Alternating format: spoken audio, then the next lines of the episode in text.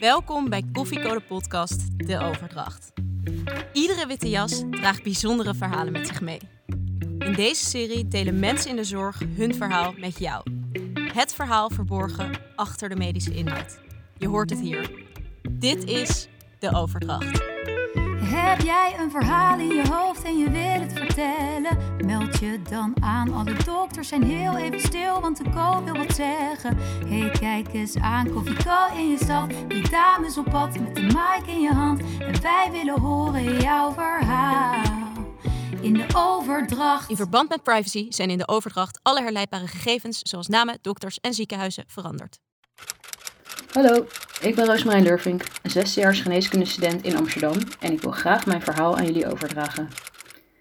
In deze periode van coronacrisis hebben wij als co-assistent zeeën van tijd om terug te blikken op onze co-carrière, of die nou lang of kort duurde. We zijn immers met z'n allen naar huis gestuurd voor onbepaalde tijd. Dat klinkt erg onaardig, maar zoals ik het begrepen heb, is niets minder waar.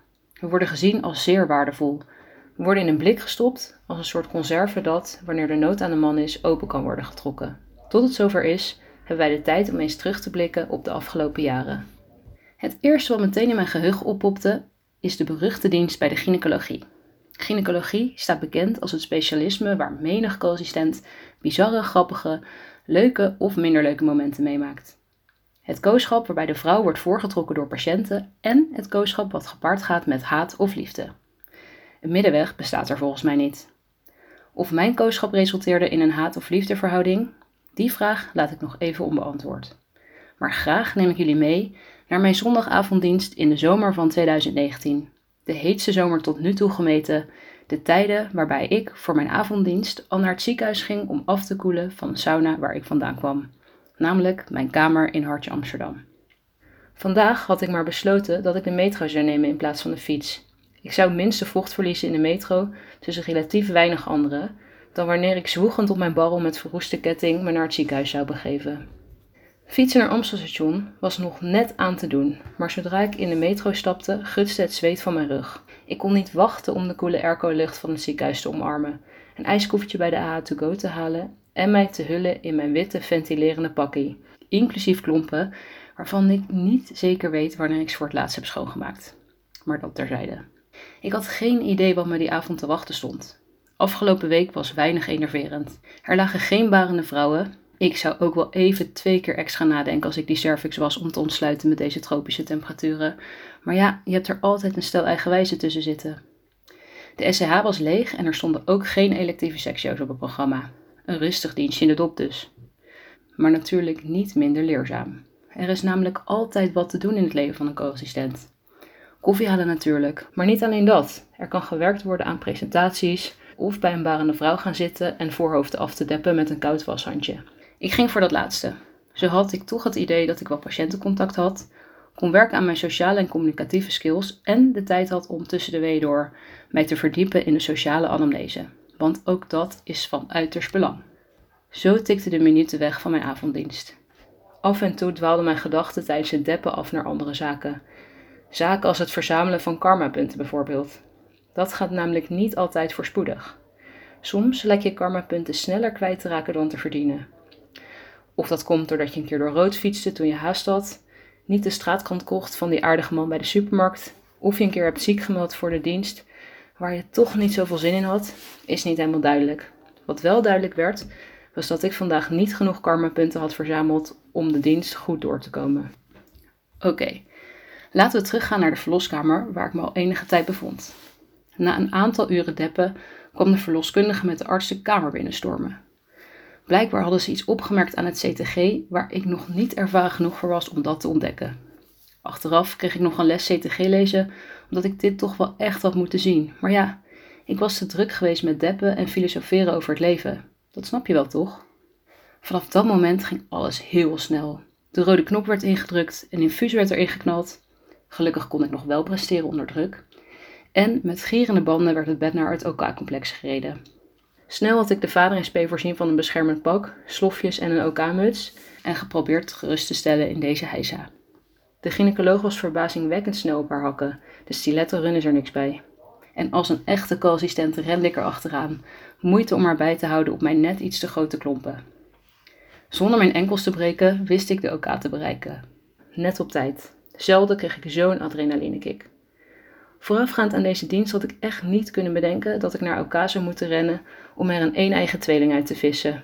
Maar er was nu geen tijd om daarbij stil te staan. Zo snel als ik kon trok ik een OK-pak aan, trok een muts over mijn haar en wist, op de valreep, nog te bedenken dat oorbellen, zelfs niet de kleinste ringetjes, niet zijn toegestaan op het complex en stopte deze in mijn zak. Eenmaal op OK, wat echt binnen vijf minuten was, was er geen plek voor mij aan tafel. Maar gelukkig hadden mijn sociale skills en interesse in diens sociale leven ertoe geleid dat ik het voorrecht kreeg om foto's te maken van het desbetreffende tafereel. Oké, best leuk die foto's, maar ik had natuurlijk gehoopt op een wat meer verantwoordelijke taak. Of althans een plek aan tafel. Het ging allemaal razendsnel en binnen de kortste keren werden er twee kerngezonde meisjes geboren. Nu maar hopen dat de foto's gelukt zijn. Kleine side note is dat dit de eerste keer in mijn leven was dat ik een echte camera in mijn handen geduwd kreeg in plaats van een smartphone. Dus niet bekend was met de high-tech functies van zo'n apparaat. Om even de huidige situatie te schetsen voor jullie, hebben we nu te maken met een mega trotse vader waarbij de tranen over zijn wangen rollen bij het aanzien van zijn twee kerstverse dochtertjes, gehuld in vernix en een beetje verrimpeld. Een moeder die letterlijk en figuurlijk onder zeil ligt. Twee artsen aan tafel en een co-assistent die met een soort houterige bewegingen de steriele doeken en tafels probeert te ontwijken en daarbij louter in de weg staat. Het sluiten kon beginnen, voor mij een teken om eens aandacht te vragen. De standaardvraag: Is er nog iets wat ik kan doen? komt altijd goed van pas. Die vraag wordt dan vaak ook door artsen met beide handen aangegrepen om al dan niet belangrijke taken uit te delen en de co eens flink aan het werk te zetten. Dan nu, Eindelijk kreeg ik verantwoordelijkheid. Eindelijk voelde ik mij serieus genomen. Ik kreeg de eervolle taak om zorg te dragen voor de placenta. Placenta's worden na een seksje altijd in een witte emmer mee teruggenomen naar de afdeling en daar in een ijskast gelegd. Geen idee wat er daarna mee gebeurt. Maar misschien wil ik dat ook niet weten. Ik was dolgelukkig met mijn taak. Ik besloot alvast naar de afdeling te vertrekken, omdat ik mij op elkaar toch niet meer erg nuttig kon maken. Met de placenta in de witte emmer verdween ik van elkaar richting de kledingsluis. Ik zette de emmer neer op een bankje naast mij. Ik kleedde me om en dacht nog even terug aan het afgelopen uur, wat veel enerverender was dan ik ooit had kunnen bedenken. Ik pakte mijn oorbellen uit mijn zak.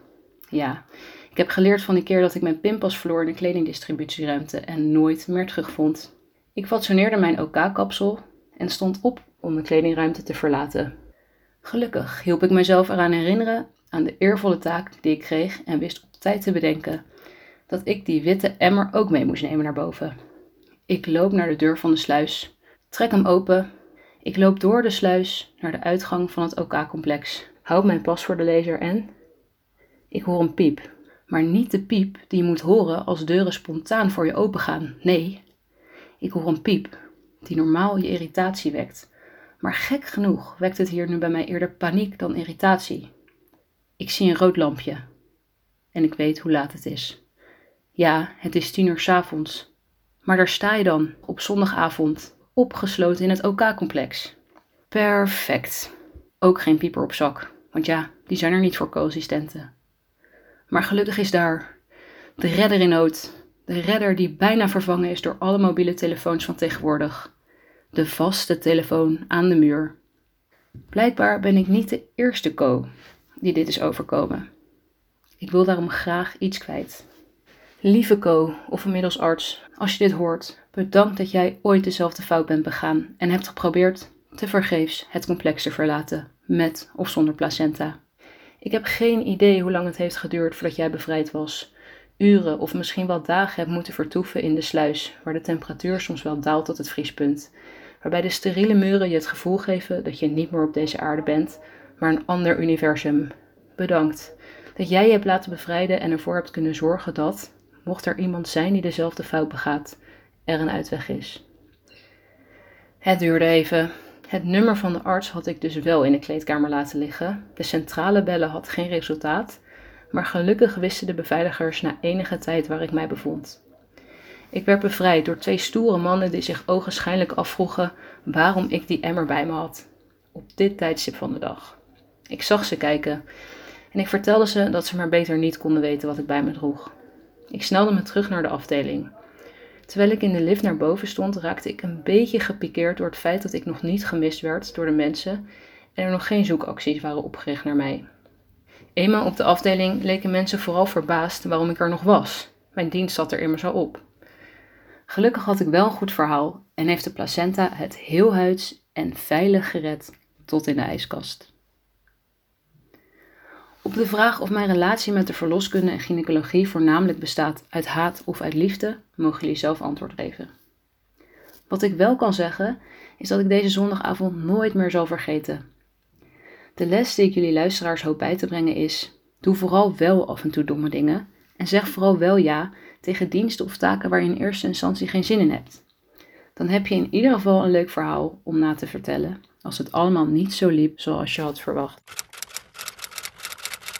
Dit was aflevering 2 van De Overdracht. Heb jij ook een leuk verhaal en wil je dat met ons delen? Stuur ons dan een bericht.